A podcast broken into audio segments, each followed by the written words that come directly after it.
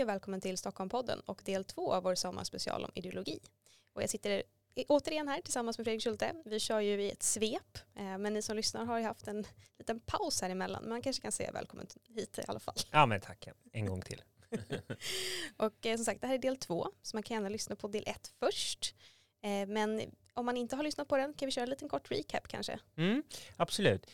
Ja, men, eh, eh, kontentan är ju att ideologi är viktigt för att eh, förstå idéerna bakom politiken och eh, eh det är ju liksom centralt i hur människor faktiskt tar ställning politiskt, att idéerna bakom har betydelse och inte minst så med hjälp av att liksom klarlägga idéerna bakom och, och, ha en känsla för ideologi så kan man också säkerställa att man är mer, alltså har en, en, en logisk eh, syn på politik, att man inte bara tycker massa saker Eh, Eh, som sen också går emot varandra. Till exempel att man är för jättehöga bidrag men man är också för jättelåga skatter. Eh, det, det, det går ju liksom inte ihop. Och ehm, att eh, perspektivet kring ideologi är liksom inte att du ska liksom bli tillsagd vad du ska tycka utan att snarare förstå de liksom grundläggande konflikterna och på så sätt kunna hitta var man själv står liksom utifrån vad det är för olika värderingar som står emot varandra. Och inom högerideologi så är en sån central värdering det är frihet, alltså rätten att få individuell frihet, rätten att få bestämma över sin eget liv kontra då olika typer av rättigheter som eh, man anser att alla människor har. Till exempel de flesta anser att skola är någonting som alla har rätt till och, och eh, sen har vi sjukvård och äldreomsorg och i vilken utsträckning man ska få bidrag och ska vi ha kommunal kultur eller ska staten finansiera kulturen eller inte. Och att då liksom ta ställning till var, var står man i den här dragkampen. För att ju mer sociala rättigheter du får, desto mer eh, måste vi finansiera via staten och därmed sno genom skatten. Och då naggar vi friheten i kanten. För att eh, ju högre skatt du har, desto, eh, eh desto lägre självbestämmande har du över, över ditt eget liv. Så att eh, just att orientera sig mellan frihet och och eh, eh vilken utsträckning man tycker man har rätt till rättigheter. Super. Eh, nu ska vi gå in lite på, ja men vi är liberalkonservativa i Moderaterna, så vi ska prata lite liberalism och lite konservatism. Mm. Vill du börja med liberalismen? Ja, men jag tänkte jag skulle börja med bara liksom lite allmänt kring eh, ideologier. Ja, bra. Och jag tror att eh, en sak man ska komma ihåg är att ideologier är, eh, det är breda kyrkor. Men jag tycker just jämförelsen med, med religion är ganska bra. För många när man pratar ideologi brukar prata om att Nej, men min ideologi, jag är riktig liberal eller jag är riktig konservativ och du är bara fake konservativ. Och det är lite som att säga, ja, men, eh, min lilla kyrka här i Knutby, det är den enda riktiga kristendomen. Och du som är med i Svenska kyrkan, du är inte riktig kristen. Eller en katolik som säger att protestanter inte är, är, är riktiga, riktiga kristna. Och där ska man vara lite varsam eh, kring. För att konceptet av de stora ideologierna är just att de är breda kyrkor. Att de inhyser stora rörel, idérörelser och att det finns många olika tolkningar av dem. Och inom liberalismen har du ju alltid från socialliberalism till nyliberalism, klassisk liberalism, konservativa, socialkonservativa, eh, frihetliga konservativa. Inom socialismen så har du ju liksom de klassiska tre är ju liksom socialdemokrati, kommunism och Eh, syndikalism, men det finns massa andra eh, varianter också. Och, eh, och, och, och det här är liksom viktigt. Det är breda kyrkor, det de har gemensamt inom de respektive ideologierna, det är liksom en liten liberal kärna eller konservativ kärna eller socialistisk kärna. En röd tråd som sammanbinder dem. Sen kan det mycket väl vara så att många eh, nyliberaler har mer gemensamt med frihetliga konservativa än de har med, med eh, socialliberaler. Så att det behöver inte vara så att bara för att man är liberal så är man automatiskt liksom, har mer gemensamt med andra som är liberaler.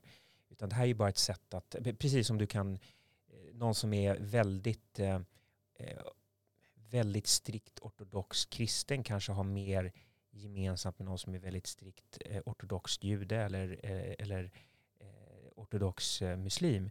Just för att ja, religionen, hur de ser på religionen och vilken plats det har i ens liv.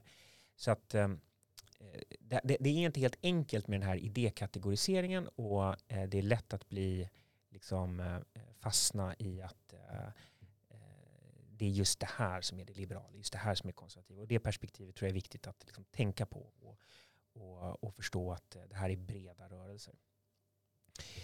Och jag skulle också vilja säga det att alla de här tre ideologierna har ju, alltså socialism, socialism liberalism och konservatism, har ju sina rötter i upplysningen och eh, formaliserades först efter ja, in på 1800-talet, eh, efter franska revolutionen, var väl lite av ett startskott på formerandet utav, av de ideologiska rörelserna. Begreppet liberalism till exempel, första gången man kunde läsa om det var 1812.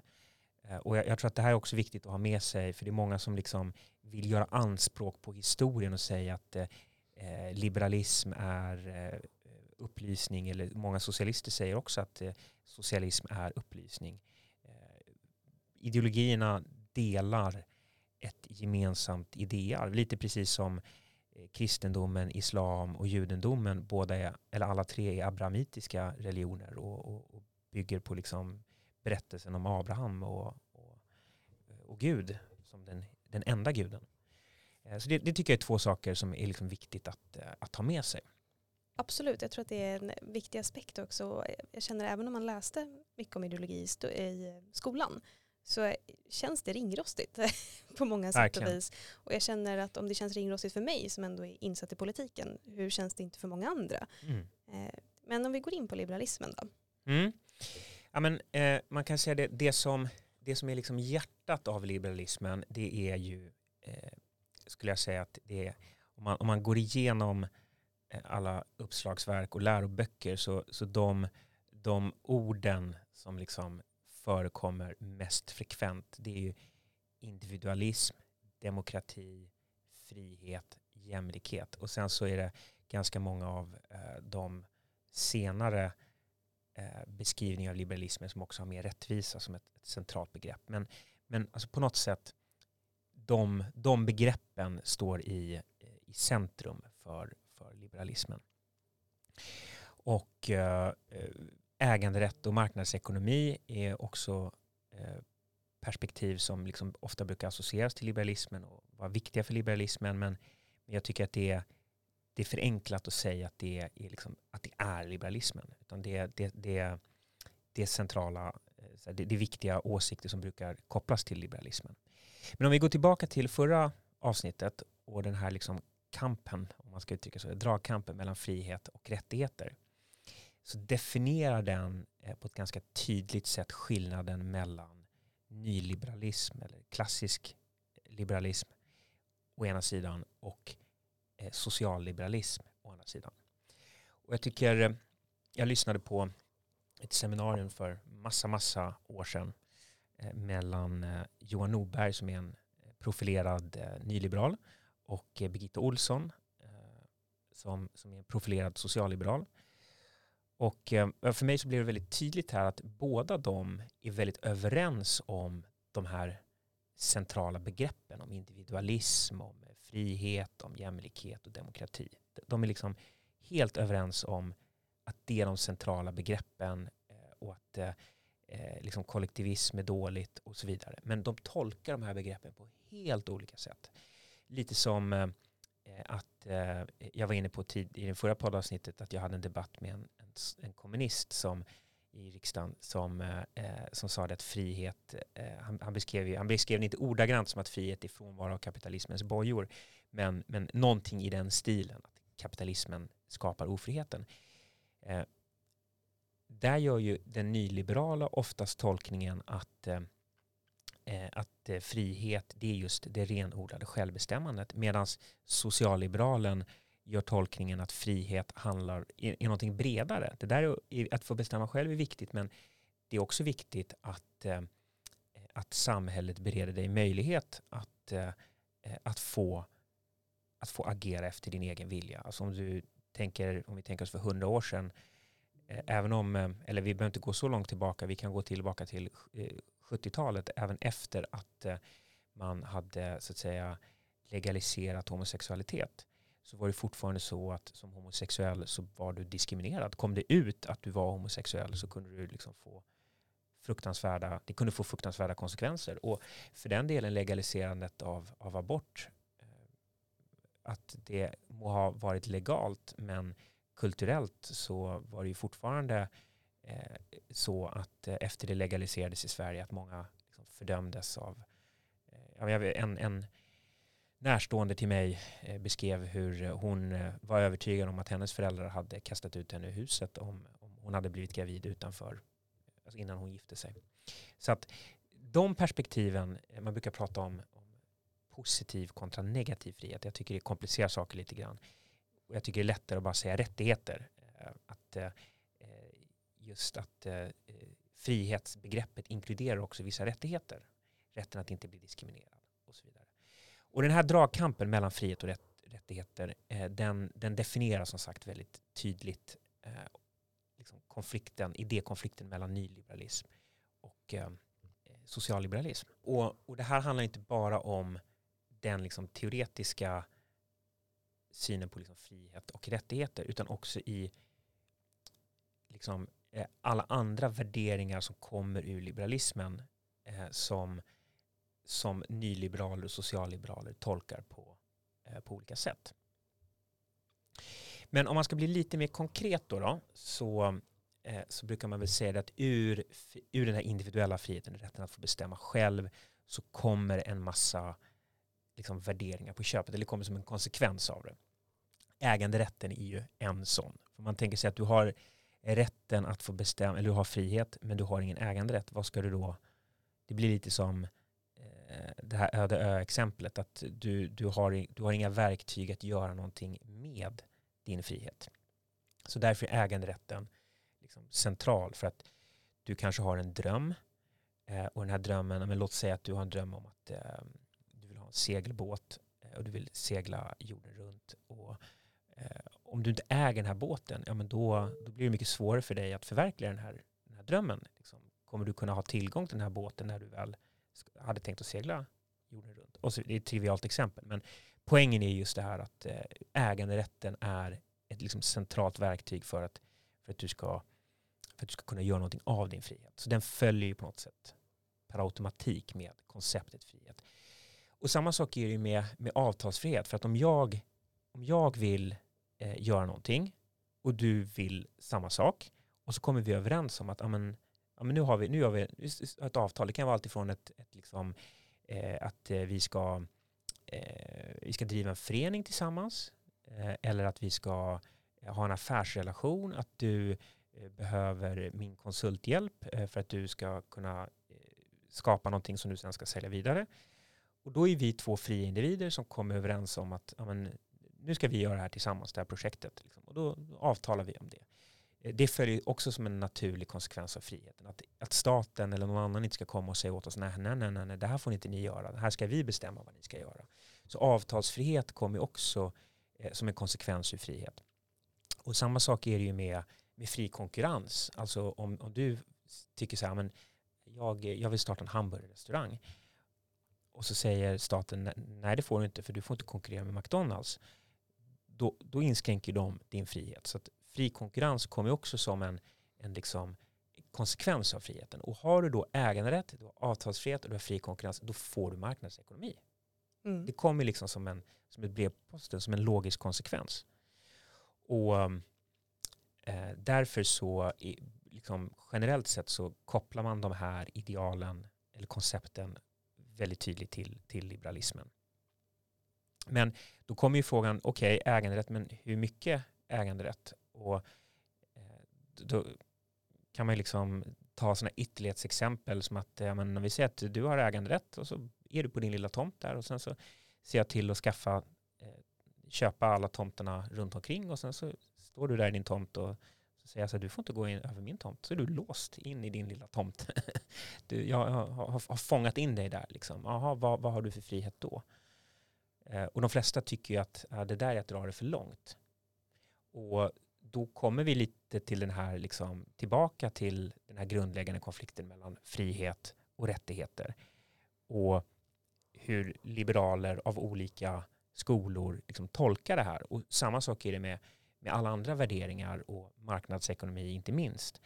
hur eh, man, man tycker att eh, man är för marknadsekonomi i olika, i olika grader för att det är olika typer av värderingar som, som står emot varandra. Och det, det, det, blir för komplicerat att gå in på massa olika aspekter där, men, men i grund och botten så liksom socialliberaler och nyliberaler som sina två liksom motpoler inom liberalismen kommer tolka det här på olika sätt. Eh, men och har du till exempel då ett frihetligt perspektiv, du är lite mer nyliberal, ja men då kommer du vilja argumentera för så få regleringar som möjligt medan eh, den som är social, socialliberal kommer säga att ja, men vissa, om du reglerar för lite, ja, då kommer du komma i en situation att människor inte kan använda sin frihet. Precis samma argument som man använder för rätt, liksom existensen av konceptet av rättigheter eller för den delen berättigandet av äganderätt i sig. Eh, och så kommer du liksom få samma typ av, av, eh, av eh, konflikt. Sen har du ju liksom det här med rättsstat och polisväsende. Det kommer också ofta som, en liksom, som ett brev på posten om du vill ha frihet då man kan säga att ja, men vi ska ha frihet. Eh, så säger man, ja vad bra, då har vi frihet och sen så kommer jag och liksom snor dina grejer. Då, då har vi inte frihet i praktiken. Nej. Så att eh, då kommer liksom det här konceptet av rättsstat och polisväsende och i sin ytterlighet också försvar eh, in som liksom naturliga beståndsdelar där det är berättigat att eh, även utifrån ett liksom nyliberalt perspektiv berättigat att ta in skatt för att finansiera ja, men gemensamt eh, rättsväsende och polis och brandkår och, eh, och försvar. Och sen då såklart eget ansvar.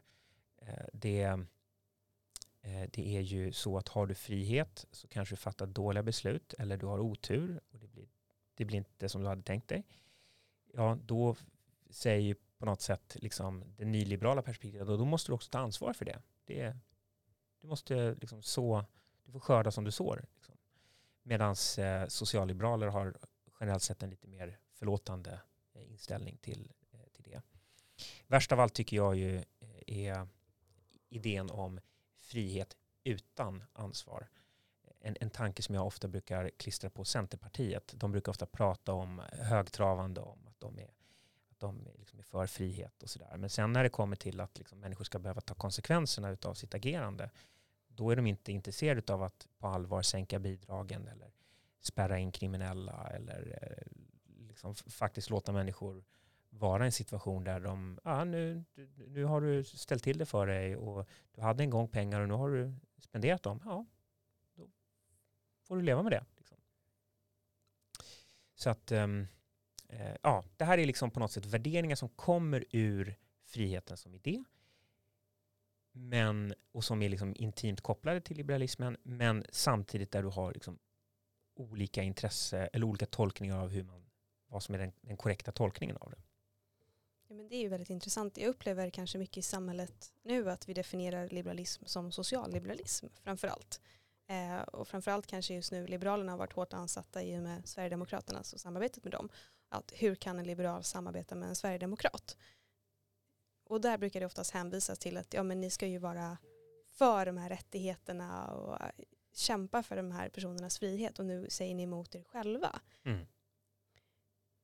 Ja, nej men verkligen. Och det här, många nyliberaler har ju inställningen att eh, endast den nyliberala tolkningen är riktig liberalism. Och eh, det, det, det, är liksom inte en, en idépolitiskt eller idéhistoriskt eh, liksom korrekt beskrivning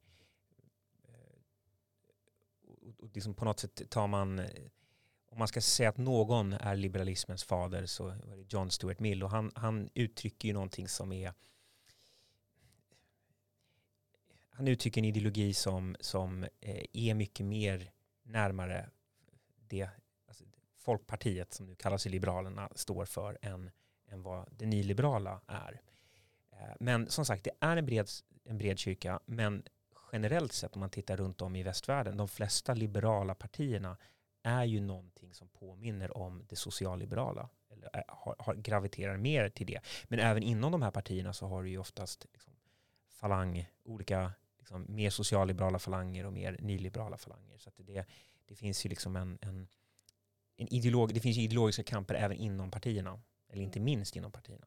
Ja, och där upplever jag väl kanske att du har en stor ideologisk kamp hos många mellan ungdomspartiet och mm. partiet. Mm. Att du har mer Absolut. då nyliberala i ungdomspartiet och att det är en, mer den stämningen där och sen så ju äldre folk blir desto mer drar de åt andra hållet istället.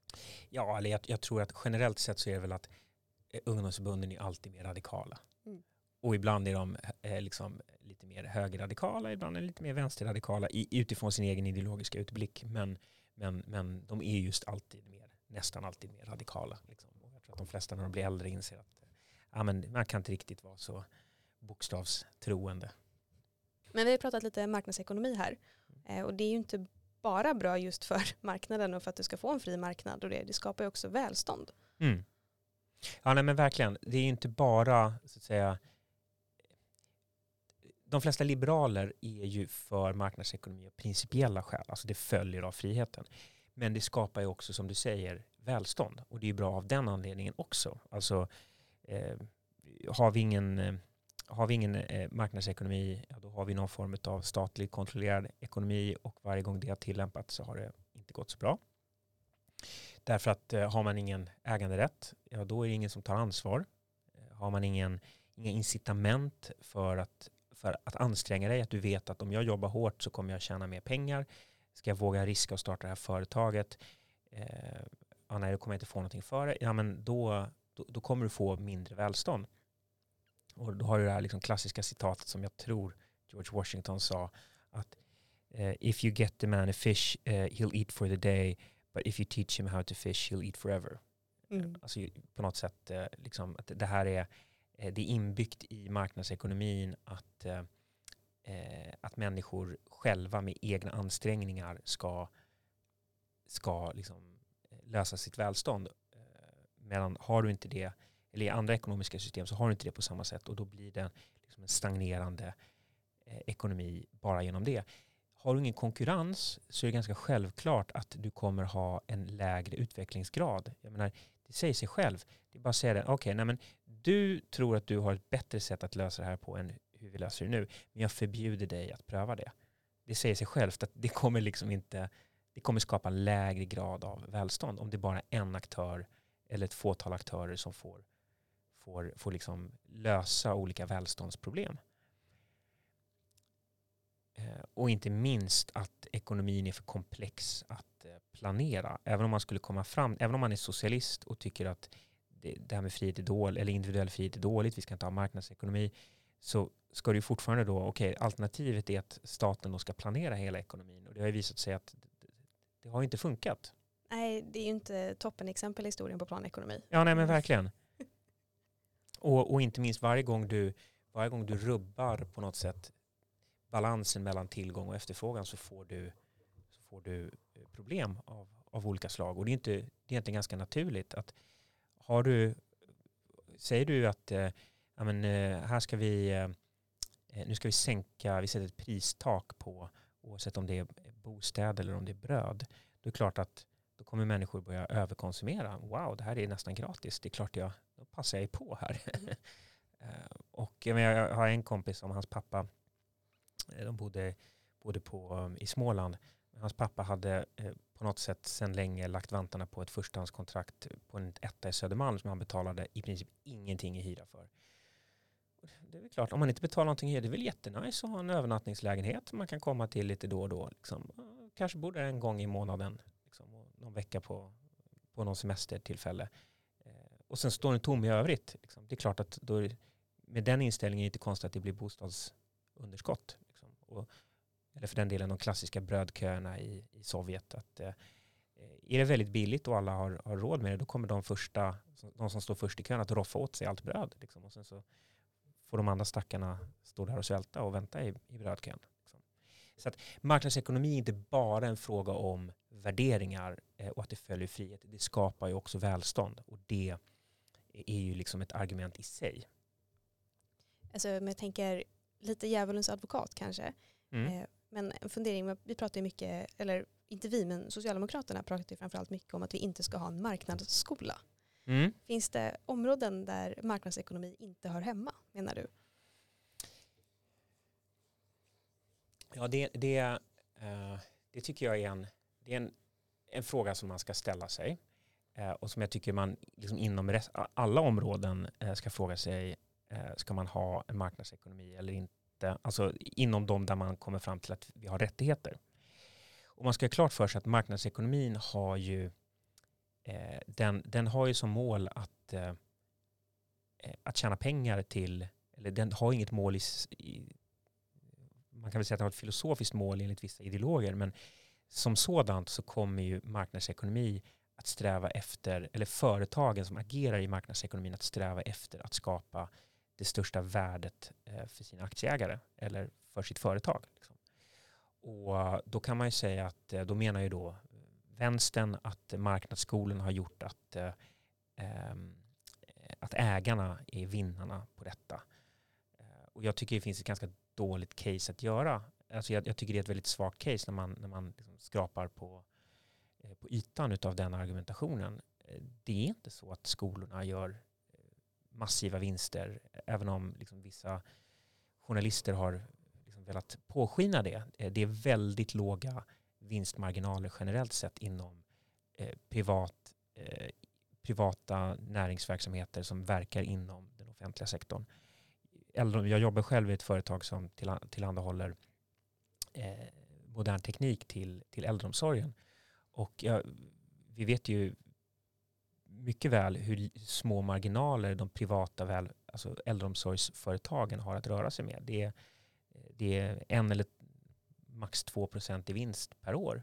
Eh, så att, eh, att, att påstå att eh, liksom, det skulle vara ett problem tycker jag är, är larvigt. Mm. Nej, men, men det där är ju ett sätt, det där är mest retorik med marknadsskolan. De vill sätta en bild av att vi, vi, vi eh, eh, att, att eh, liksom de skillnader som kan uppstå med frihet och marknadsekonomi ekonomiskt kan uppstå i skolan om man har en marknadsskola. Det är, det, det är den retoriska figuren de vill, vill skapa. Liksom, att du får, de rika barnen får en bättre skola och de fattiga barnen får det sämre. Men det är ju, det är ju trams, det har ju med med annat att göra.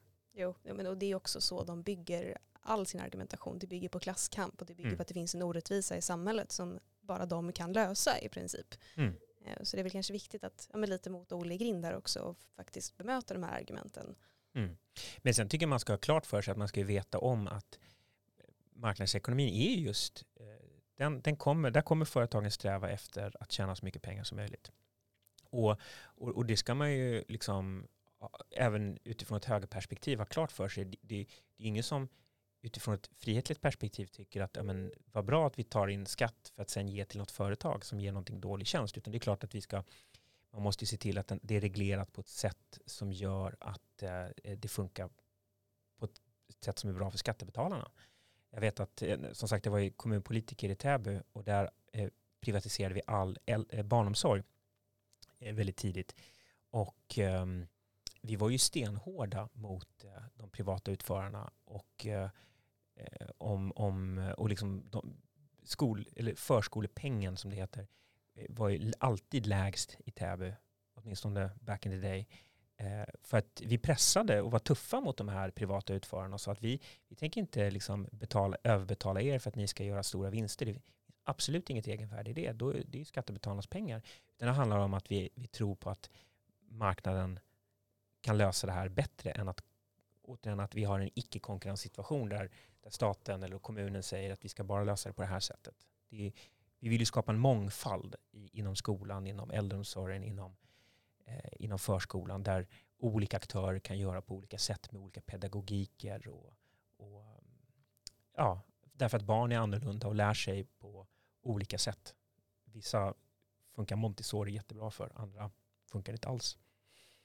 Ja, men och därav framförallt också kanske i att sjukvårdsreformen, att vi har liksom, ja, men att det finns en frihet där i valfrihet i sjukvården. Mm. Eh, där tycker jag verkligen att man har sett hur vilken enorm utveckling det har gett. Eh, med att vi har nätdoktorer nu. Det hade antagligen aldrig funnits om vi inte hade haft mm. Nej, men, privatisering där. Ja, verkligen. Och det, och det, finns ju inte i länder som, som har eh, striktare regleringar. Eh, så att, eh, ja men verkligen. Nej, men det, det, finns ju verkligen en stor fördel med konkurrens. Det, mm. det ger ju lite eld i rumpan på alla. Det, för du måste ju hela tiden utvecklas och du måste hela tiden vara på tårna.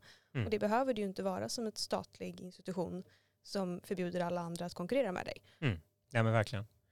Men om man då ska sammanfatta på något sätt liberalismen eh, så skulle jag säga att eh, den här, det vi diskuterade i, i förra poddavsnittet, konflikten mellan frihet och eh, rättigheter, den definierar väldigt tydligt eh, liberalismen och kom, konflikten inom liberalismen mellan nyliberaler och socialliberaler eh, och, och, och, var man hittar den här balansen. Och samma sak att ur eh, de här principerna så följer också då marknadsekonomi, frihet, rättsstat och liknande.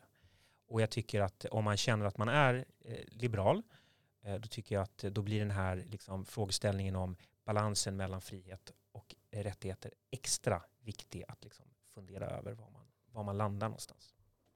Super, då har vi ett, ytterligare en liten fundering. Så här, inte bara fundera på frihet och rättigheter kanske, utan även lite hur socialliberal och hur nyliberal är du? Mm. Ja men precis. Om vi hoppar över på konservatismen då, en ideologi som jag personligen känner att man kanske lär sig lite mindre om än socialism och liberalism. Ja, och att det man får lära sig det är mer ja, men, monarkins förkämpar och det är kunga och herravälde som gäller. Mm. Är det så? Nej, eh, det är det inte. Eller jag, jag håller ju, det är ju så att man lär sig mindre eh, om konservatismen. Eh, och jag tror att eh, eh, det finns en förklaring till det. Men, men det är eh, helt klart så att det ofta sätts en, en nidbild av att konservatismen handlar om kungmoral, kyrkolokal, eh, fosterlandet och så vidare. Och det är, det är, en, det är en felaktig eh, nidbild som bygger ganska mycket på hur konservatismen var förr. För att konservatismen är mycket mer situationsanpassad. En liberal kommer att utgå väldigt tydligt från sina liksom filosofiska principer om frihet och rättigheter. Medan en konservativ kommer att förhålla sig mycket mer till eh, samhället så som det är här och nu. Och ehm, eh, jag tror att det som är liksom hjärtat av konservatismen det är ju liksom idén om att oavsett vilka filosofiska ideal vi har och hur vi vill att samhället ska se ut så för att det ska funka i praktiken så behöver vi sociala normer. Eh, vi behöver liksom ha en, eh, en moral i samhället som gör att vi liksom respekterar varandra och vi respekterar de här liksom filosofiska principerna som vi vill bygga samhället efter. Och att människor har en tydlig stark identitet, att jag vet vem jag är. Eh, varje gång människor eh, har, har liksom problem med att eh, definierar sin identitet så, så, så, brukar det här leda till konflikter i samhället eller mellan, mellan samhällen. Och konservatismens utgångspunkt är just att har vi inte, har vi inte sociala normer, finns det en, en liksom normlöshet, har vi inte en tydlig identitet, det finns en rotlöshet, finns det eh, inte någon form av liksom grundläggande social ordning eh, så, så, blir socialt kaos och eh, då får vi massa konflikter. Och historiskt har det här handlat om att värna liksom, ja, det gamla. Eh, och, och, då har ju liksom monarkin på något sätt varit en symbol för det, eller kyrkan eller familjen. Men konservatismen idag handlar nog mer om andra saker, även om till exempel monarkin fortfarande är liksom en, en relevant sak, eller för all del eh, familjen och, och nationen. Men, eh, men liksom på något sätt så, så är konservatismen mycket mer situationsanpassad och det gör att det, den blir lite svårare att beskriva. Och det blir lätt så att man lär sig i skolan till exempel om, om hur ideologier har varit förr. och då kommer man beskriva hur konservatismen var förr. Men just det här med sociala normer och identitet i samhället, är det verkligen någon som är emot det? Ja, men det, det där är intressant, för det, det brukar ofta vara liksom svar, det idépolitiska svaret på konservatismen, att det här är någon form av liksom kamp mot värdekvarnar. Att det är ingen som är emot det som konservatismen, det som konservatismen eh, värnar. Så att, och att då därmed att konservatismen skulle vara som Don Quixote som, som, som slåss mot värdekvarnar. Men om man då tittar på vad som händer i Sverige idag. Titta på kriminaliteten. Eh, titta på i skolan. Eh, jag läste någon undersökning på hur många tjejer det är som har blivit sexuellt antastade i skolan eller blivit kallade könsord. Och den siffran, nu har jag inte den i minnet, men den var ju skrämmande hög. Hur många pojkar som har misshandlats. Um, situationen i utanförskapsområdena där många växer upp i någon form av liksom rotlös, identitetslös miljö där de varken känner sig som del av sina föräldrars eh, liksom, etniska kultur eller det svenska samhället. Vi ser en växande grupp eh, eller en växande motsättning mellan, mellan olika grupper i samhället. Vi får parallellsamhällen. Ta den här debatten nu som varje år tycks poppa upp eh, vid eh, samband med student, eh, att student, människor springer ut från, man tagit studenten och, och eh, de flaggar med, eh, med andra flaggor än den svenska flaggan. Jag skulle säga att det är kanske är ingen som strävar efter att skapa socialt kaos och identitetslöshet, men vi tycks ju vara där ändå, eller hur? Jo, ja men det är en poäng, det är ja. det verkligen. Och då, då blir på något sätt liksom den konservativa den konservativa liksom förlängningen av det här perspektivet blir ju att problemet med både socialismen och liberalismen enligt det konservativa perspektivet är att de kommer på många inom citationstecken fantastiska idéer som de kan rationellt argumentera för men som inte funkar i praktiken. Och det här kan ju vara allt ifrån liksom det socialistiska eh, klasslösa samhället. Eh, det kan vara krossa kärnfamiljen som liksom har varit en del av eh, viss socialistisk ideologi. Det var ju det makarna Myrdal i stor del ville åstadkomma, ville ta bort eh, rollen som fostrare av individen och ge det till staten för att vi skulle bli mer jämlika. Det liberala idealet om fri invandring. Eh, det liberala idealet som många socialliberaler eh, strävar efter att avveckla könsroller. Många av de här eller för den delen högerliberala eh, oreglerad kapitalism kan man ju också invända mot utifrån ett konservativt perspektiv. Kontentan av det hela är ideal som rationellt kan låta bra och på pappret låta bra men som praktiken inte fungerar eller får oanade konsekvenser. Och den konservativa skulle ju säga att det är precis det vi ser nu i Sverige. De här rationalistiska idealen har implementerats och det funkar inte i praktiken. Och på det sättet så brukar man inom liksom konservativ teori prata om att konservatismen, en, en, en, central del är ett motstånd mot radikal rationalism. Alltså radikala idéer som ska helt stöpa om samhället som låter rationellt väldigt bra men som inte funkar, eh, funkar i, i praktiken. Och den konservativa, alltså den konservatismen är ju på det sättet en, en ideologi som, eh, som fokuserar just på när idéer ska appliceras i praktiken. Både socialismen och liberalismen handlar väldigt mycket om de här eh, liksom idealprinciperna och idealsamhället. Medan konservatismen, konservatismen har ingen enhetlig idealbild av samhället. Jag tycker konservativa väldigt olika. Eh, utan det som förenar dem är just en, en, idé om att det här måste funka i praktiken. Och eh, menar ju då på något sätt att eh, människan är, vi är ett, ett, eh, ett djur, apor 2.0 skulle vi kunna kalla oss. Och vi behöver tydliga sociala normer och värderingar eh, för att samhället ska funka.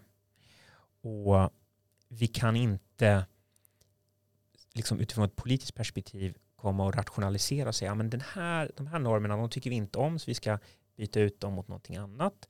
Eh, och så som samhället funkar idag på liksom, grundläggande nivå, det kan vi inte, vi ska ändra det. Liksom. Håller man på att ändra så där, vi, vi vet, den konservativa skulle säga att vi, då kommer det sluta som det nu har gjort.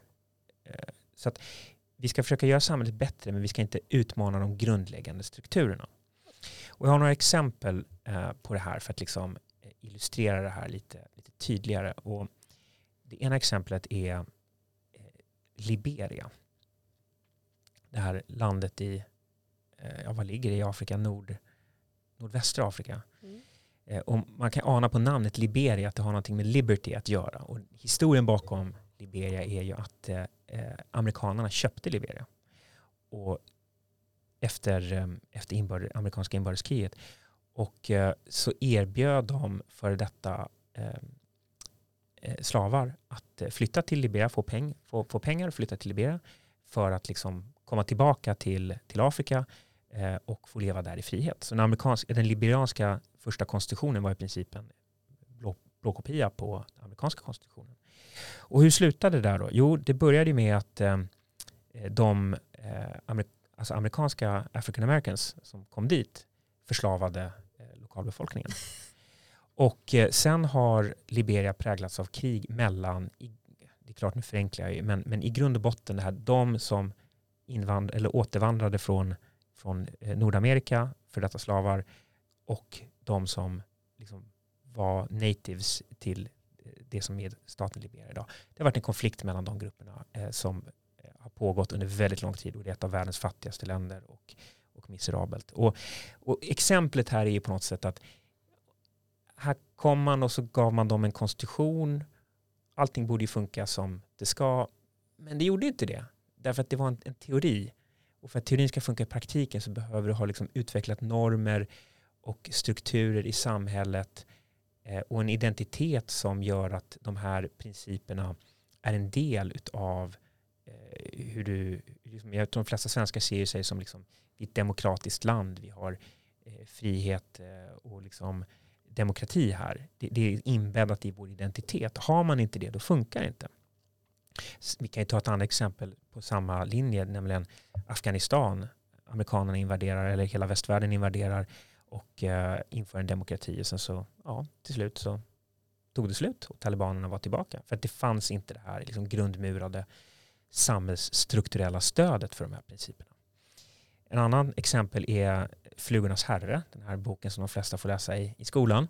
Eh, och den handlar ju om ett gäng pojkar som är gamla nog att överleva på en öde ö. Men de, har inte, de är inte gamla nog för att ha liksom absorberat de här normerna och värderingarna i samhället. Så det slutar ju i, i, i barbari.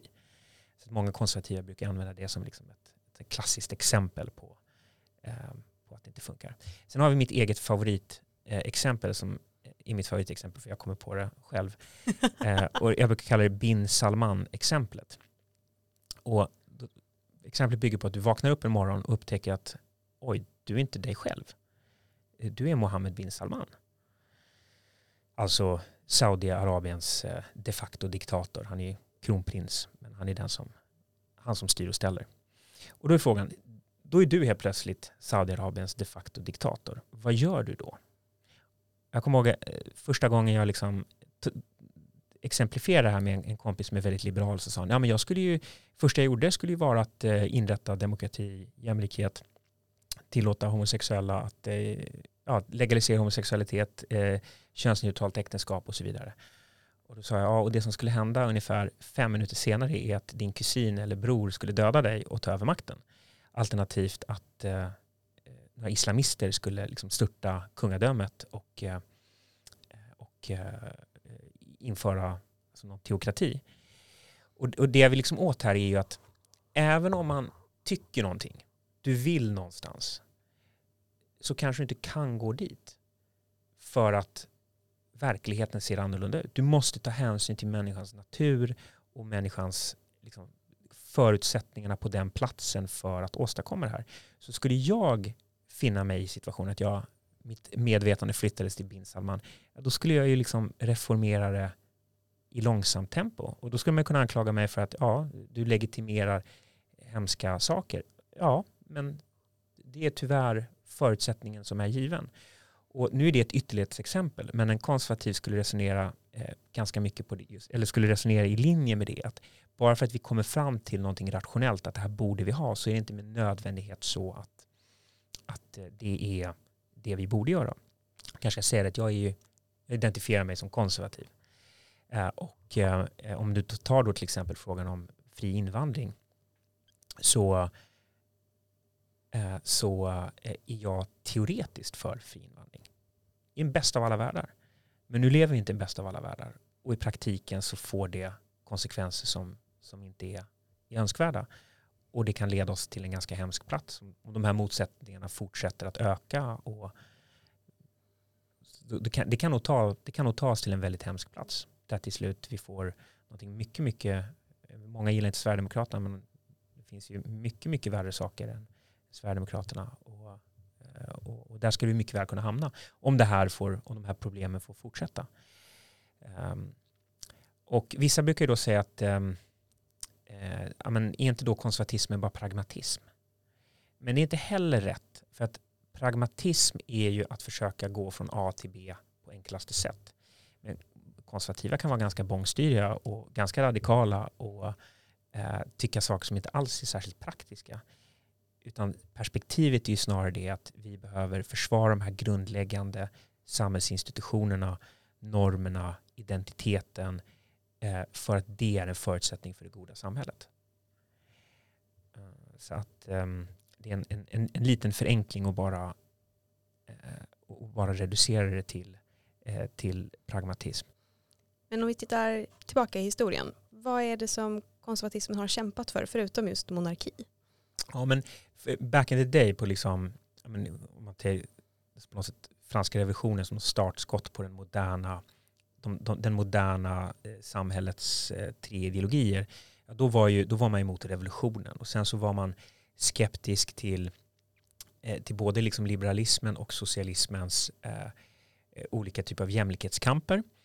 Eh, och många konservativa var emot eh, demokratin, men många konservativa var också drivande. I Storbritannien så var det det konservativa partiet som var drivande i att åstadkomma demokrati.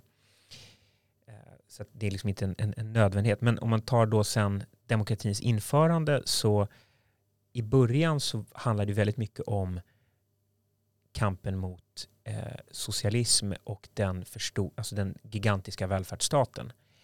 Um, alltså hur man med den gigantiska välfärdsstaten på något sätt rubbade de här grundläggande sociala normerna. Att aha, nu behöver jag inte längre jobba för mitt levebröd utan nu, är det någon annan som garanterar, nu garanterar staten det. Och då menar ju konservativa att nej, det här det kommer rubba de här grundläggande samhällsstrukturerna. Liksom. Och på det sättet så krokade ju många, eller liksom krokade konservativa arm med högerliberaler. Och, och, och liksom det har varit en sån allians under väldigt lång tid mellan mellan eh, konservativa och högerliberaler. Eh, och sen tror jag då att på något sätt, även om det gnisslade lite kring såna här kultur eh, eller alltså normfrågor som liksom, eh, jämställdhet, eh, där har det alltid funnits en, liksom, en konflikt mellan liberaler och konservativa, åtminstone ytterligheterna.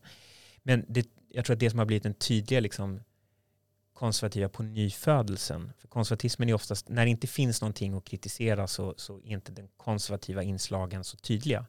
Men eh, den konservativa på nyfödelsen i närtiden, det handlar väldigt mycket om, om, om invandringen eh, och det som följer därav. Eh, och kriminaliteten, eh, men också det här liksom norm, det finns ett normkritiskt perspektiv på både socialismen och, eh, och liberalismen. Alltså att man ska vara normkritisk. Det har blivit ett ord som ofta uppfattas som någonting positivt eller beskrivs ja, som någonting positivt. Till och med till skolan. Ja, att man ska vara normkritisk. Och, och eh, den, det skulle liksom, det, det är de flesta konservativa tvärt emot, många liberaler också, högerliberaler också. Så eh, no, och sen så har vi då fått identitetspolitiken när vi, till följd av att vi haft eh, omfattande invandring eh, så har vi då en situation där vi har många människor som identifierar sig inte längre bara som etniska svenskar.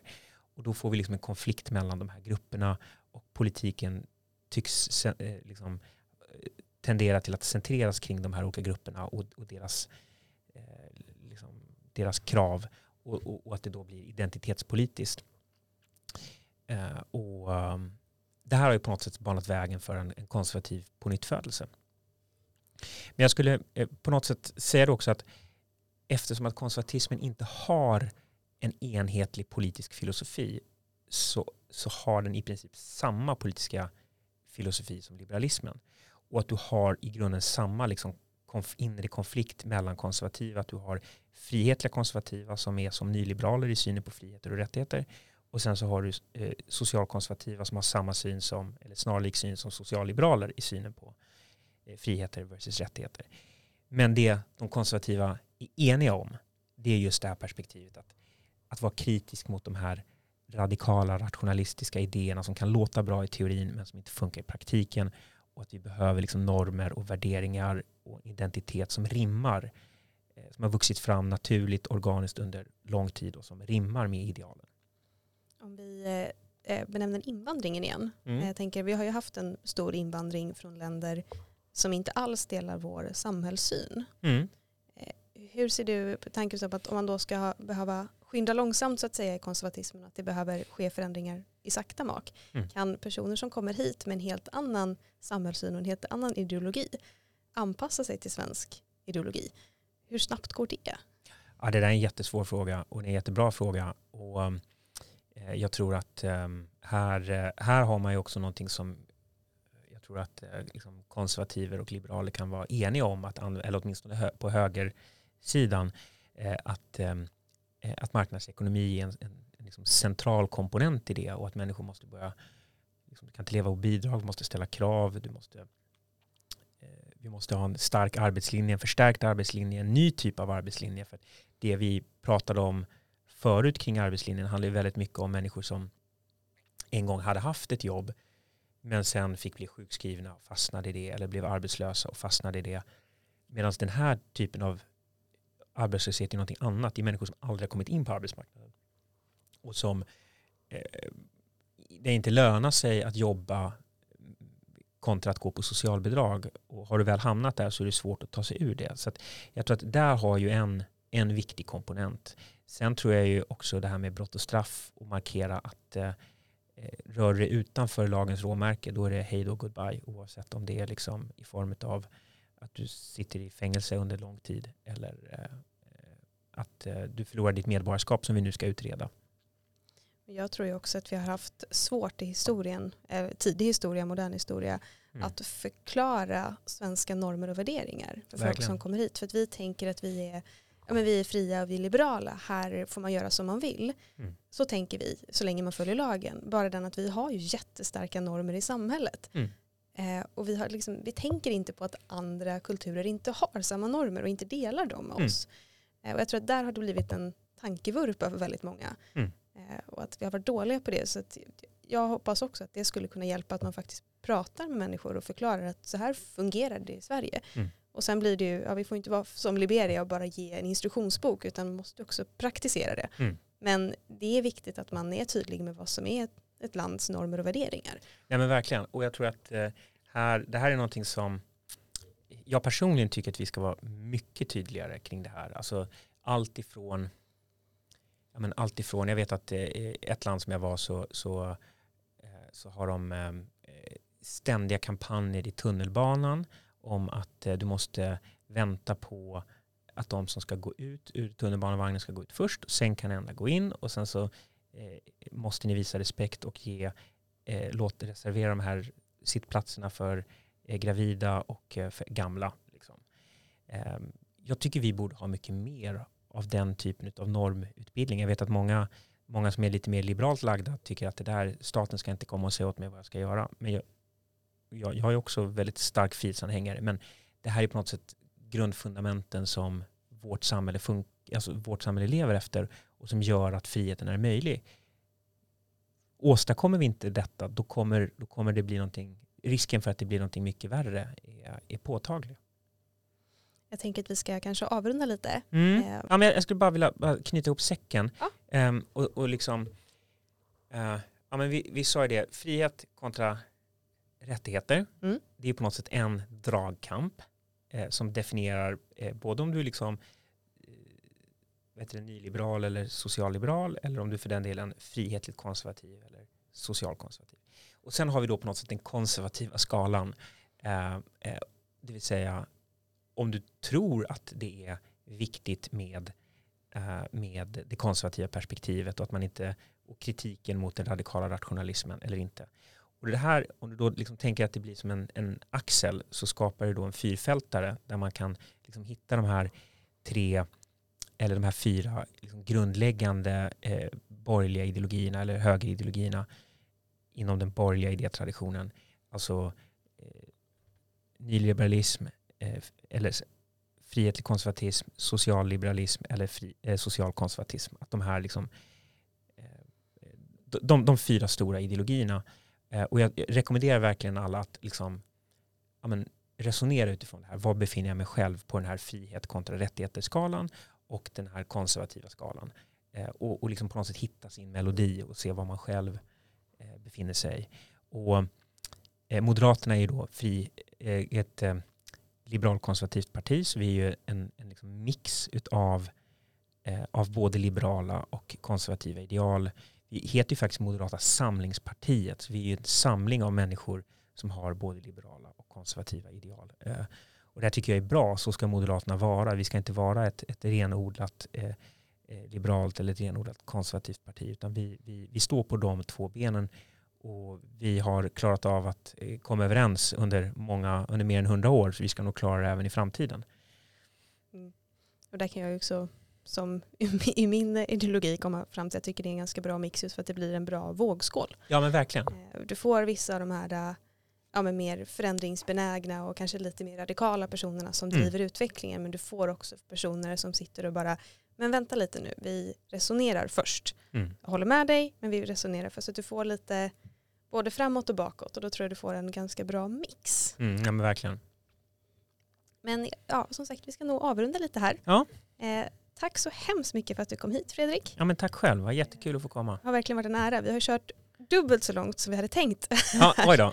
Men det gör ju ingenting för mig. Det är mest att jag har tagit mycket mer av din tid än vad jag hade tänkt kanske från början. Men stort tack, det har varit jätteintressant och jag hoppas alla som lyssnar också tycker det. Så får vi önska er en fortsatt trevlig sommar.